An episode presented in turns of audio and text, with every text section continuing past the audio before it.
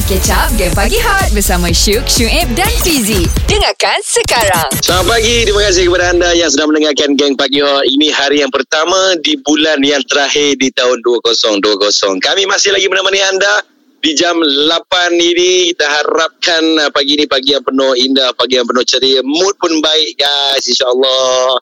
Tengok pemandangan dekat rumah Syuk cantiknya, rumah baru dia. Alhamdulillah. Oh. Syuk. Alamak, Syuk Ya. duduk dekat tingkat atas sekali lah. Uh, ada meja Betul lah, man. Penthouse. Penthouse Ji. Apa Wow. benda yang kau borakkan ni Dol? Aku kan low profile pula Ji. Yeah. Eh, kita kita dah masuk satu bulan 12 kan Dol kan? Hmm. Cik, dia tu kau cerita Ji. Tak, memang betul lah. Kita. Sebab aku nak Okey, share. okey, okey, kau okey. ni, pada apa? Aku, pada aku, satu bulan 12, maksudnya aku masih ada lebih kurang lagi sebulan. Hmm. Aku nak untuk aku nak buat juga benda yang aku target nak buat tahun 2020. Ah, apa? Apa? yang benda yang nak buat Syuk? Ha. Nak kahwin lagi satu Adul. Puh, berani. Eh, tak adalah. Berkurang. Oh, gila. Ini memang ultimate ah. Berat apa paling berani mati ni. Eh. Tak ada, tak ada. Tak Eh, ada. Dul. Kau Ha. ni tak serit-serit lagi ke? Kes Eh, eh, pun tak ambil lagi. Sumpah lah. Sumpah lah. Kau jangan berang. main-main. Tak, tak. Woi, Ini betul-betul. Benda tu sensitif. Okey, okey. Ini betul-betul. Okey apa? Aku aku sebenarnya tahun 2020 ni aku ada target untuk aku pakai braces. Oh. Wow. Hmm. Sempat lagi tu. Ha. Sempat lagi. Ini sebenarnya Dol, sebenarnya uh, aku sepatutnya dah pakai minggu lepas. Tapi Oh. disebabkan aku pergi aku nak pergi buat braces yang uh, clear eyeliner tu. Kau tahu tak? Yang kalau kau Ah. pakai tak nampak. Tak nampak Tapi- macam tak nampak besi tu kan. Bukan nampak besi tu Ah, kan. Aku aku masa ah, hari tu aku dah pergi klinik tu. Aku dah pergi Hmm. klinik. So rupanya kalau kau nak buat clear eyeliner ni dia banyak prosedur. Hmm. Ma, Oh. cuci kau apa semua dulu. Lepas tu dia ada kau tahu tak ada wujudnya X-ray untuk gigi saja. Oh. Memang lah. Aku biasa buat lah x-ray gigi tu. Untuk Ah, tahu kedudukan gigi kita, bentuk gigi kita kan. Dekat belah-belah dalam, belah-belah yang tak nampak. Betul. Ah, Takut ada yang rosak ke kan? ah Jadi, betul? Aku masa masa di X-ray lepas-lepas keluarkan buat X-ray itu yang Ah. menyebabkan keinginan aku nak pakai braces lagi mana bal. Kenapa? Dia maksud Kenapa? bila bila dong dong x-ray gigi kau tu keluar gambar avatar. Ke macam mana?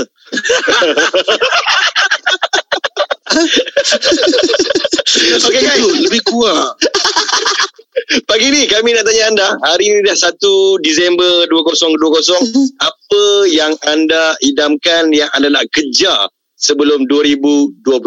Terus dengar Hot FM. Hot FM Music paling hangat Paling hangat Hari ni dah 1 Disember 2020 masih lagi ada sebulan untuk anda mengejar apa yang anda impikan di tahun 2020 sebelum masuk tahun 2021.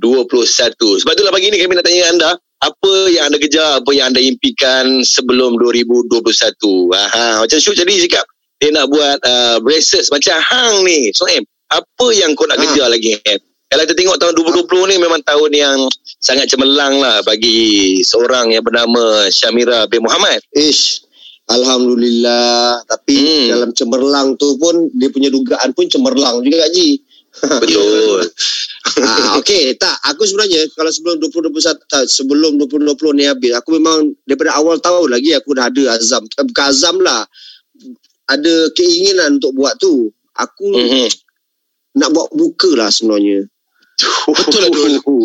Betul lah. Betul lah. Itu memang Tapi tapi pada pa, tapi pada aku tak payah Dul sebab dah ada Ha? dah ada pepa, dah ada pepatah yang mengatakan tak handsome Hmm, tak ha. apa janji kaya.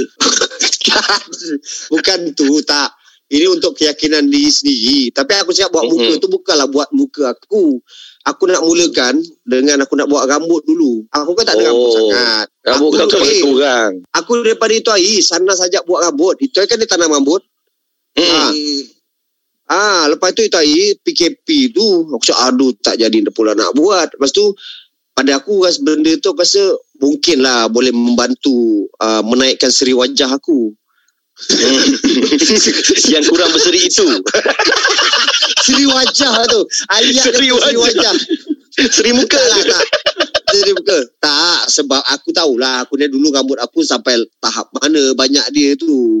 Cuma Hmm. sekali aku tak faham dia makin menaik ke belakang. Ha, betul Itulah, cakap. Zul. Aku ingat nanti, aku ingat nanti bila rambut aku dah tumbuh, bila aku dah tanam tu dah tumbuh, aku tak akan sikat ke belakang lagi. Aku akan sikat ke depan. Biar dia ke depan kau akan kau akan jatuhkan rambut macam Juan macam tu. Tak ada lah. Tapi aku kalau betul-betul kali ni tumbuh rambut aku, aku nak jaga betul-betul lah. Dulu tak jaga. Ah, tak Hmm. hmm. tak, apa ni tak tak suka bersempu orangnya. Ish, Ah. kau ni. Macam aku jealous Tapi- punya tengok engkau, kau tengok engkau Fizi, rambut punya lebat. Engkau lagi lah syuk. Lebat, color macam-macam. Aduh. Hmm. Tak lama lagi Dia gugur lah tu.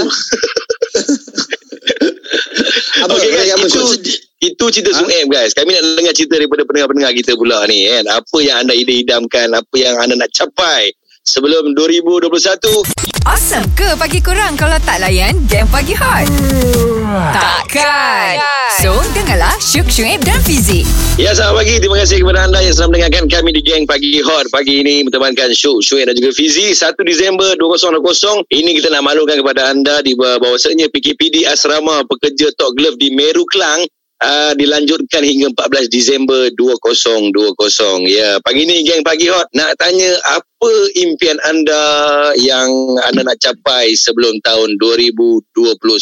Uh, macam Syuk dia nak pakai braces macam Soeb nak buat rambut, nak buat muka, nak menambahkan lagi seri muka dia. Anda bagaimana? Boleh WhatsApp kami di nombor 017302 8822. Ah, Ji, apa lagi Ji kita nak dengar ni kau apa yang kau nak buat sebelum habis 2020 ni Ji? Ah. Oh, ini harapan sebagai seorang bapa lah kan. Aku ada dua orang anak kan. Okey. So anak aku ni dia agak terbalik sikit dia punya dia punya proses pembelajaran. Uh, Yelah sebab aku dengan rumah aku dua-dua cakap bahasa- cakap Melayu. Okey. Ah, Jadi? anak-anak aku ni pula cakap orang putih, lancar pula. Apa? Macam mana Ah. tu Ji kau buat Ji? Ah, tu. aku tak tahu lah kan. Mungkin uh, dia orang ni berkawan dengan kawan-kawan yang memang bercakap dalam bahasa Inggeris lah. So, problem bagi aku sekarang ni, aku nak dengar ma- macam Putra lah. Ini pro- uh, problem bagi Putra lah. Putra ni kalau dia membaca dalam bahasa dalam bahasa Inggeris dia lancar. Tapi kalau dia Aha. membaca dalam bahasa Melayu dia merangkak guys. Apa? Alamak. Membaca Oh. dalam bahasa Inggeris power eh. Ha, kalau dia baca bahasa Inggeris eh, sub, uh, subscription apa semua laju je. Kalau bahasa bahasa Melayu dia agak macam gagau kepala. Ni macam mana apa nak sebut pa? Cakap la ilaha Oh, illallah. Ah, faham. Padahal aku aku dengan rumah aku ni dua-dua cakap bahasa Melayu kat rumah. Kecek Kelantan lagi. Sebab Tapi sebab sekolah dia kot. Ah. Hmm, Aku macam eh, pelik lah faham. ni. Bahasa Inggeris cepat pula kau baca. Bahasa Melayu maka rangka-rangka. Ah itulah. Aku Ah. nak nak aku hari-hari suruh dia suruh dia uh, beli uh, apa nama buku-buku dalam bahasa Melayu aku suruh dia baca setiap hari ya contoh macam uh, kura-kura dengan Arna uh, hari-hari aku suruh dia baca depan aku betul serius aku suruh dia baca aku cakap okey abang abang faham tak apa maksud dia ni ah Ah, ah, ah, ah, ah. Yelah, nanti kan susah juga je kan kalau dia cakap bahasa Inggeris pasal kau pun bukan faham bahasa Inggeris. Itulah. Hot FM, Music paling hangat. Paling hangat. Eh, terima kasih kepada Diana yang sedang mendengarkan Hot FM dekat Kota Baru 105.1 FM guys. Masih lagi bertemankan Syuk, Syuk dan juga Fizi. Uh, ini kita nak maklumkan kepada sahabat-sahabat yang berada di Ipoh Perak ya.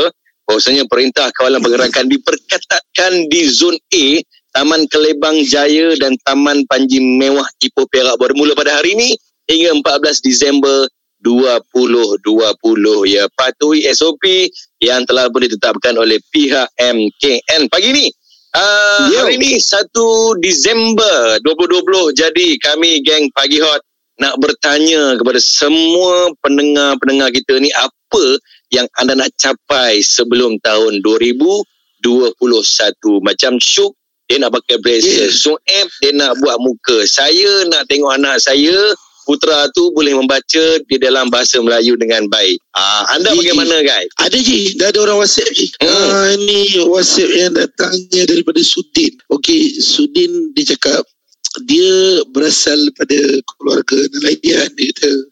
Mhm. Jadi masa masa dia time kecil-kecil dulu dia selalu ikut ayah dia pergi menangkap ikan. Dia kata masa, masa dulu ayah dia selalu cerita ayah dia teringin sangat semua jenis ikan ayah dia dah jumpa.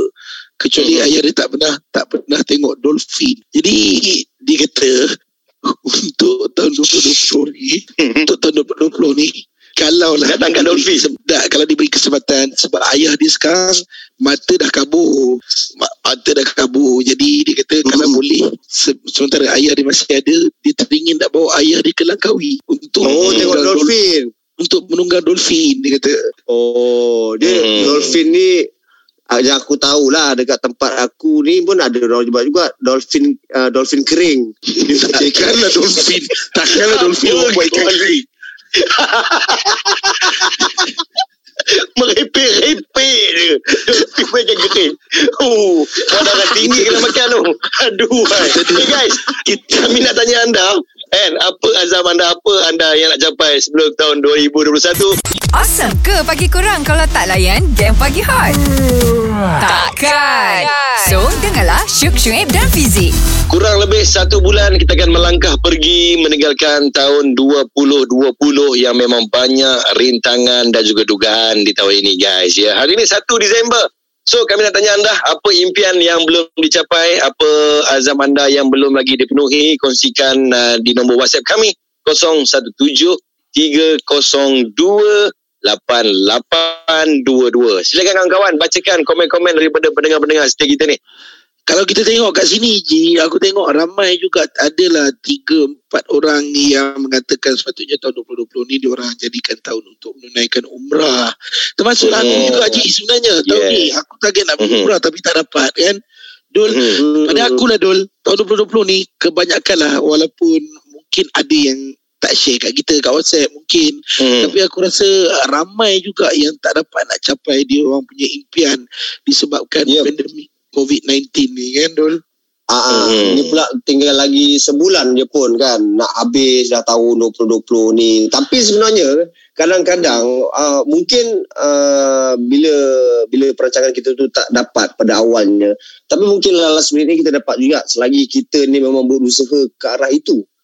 Yes. Ah, kan macam contoh je lah ini contoh je lah macam contoh anak aku tu aku ambil kan anak aku UWIS tu maksudnya orang Hmm. ya, orang pun mungkin tahu dia memang main golf tapi dalam golf ni kena Hmm. ada pencapaian dia pula ada skor dia pula baru-baru Hmm. ni dia dah dapat sk- skor yang aku rasa paling bagus maksudnya dia boleh main 82 maksudnya over Hmm. 10 saja ah itu satu pencapaian yang bagus untuk dia tapi aku cakap dia ini ada lebih kurang uh, sebulan lagi nak sampai hujung tahun boleh Hmm. achieve lagi cuba main uh, 79 ke 78 ke macam Oh. itulah aku cuba Ah. push dia jugalah ada kesempatan Dia walau- lagi kan dia walau apa jua impian dan juga azam kita yang pastinya kalau Hmm. kita tak putus asa untuk berusaha insya-Allah kita akan Oh. dapat mencapainya tak hari ini mungkin minggu depan insya-Allah guys ya jadi teruskan Yes. berusaha teruskan berazam teruskan bersemangat terus dengar Hot FM Dengarkan Game Pagi Hot setiap Isnin hingga Jumaat jam 6 hingga 10 pagi bersama Syuk Syuib dan Fizik.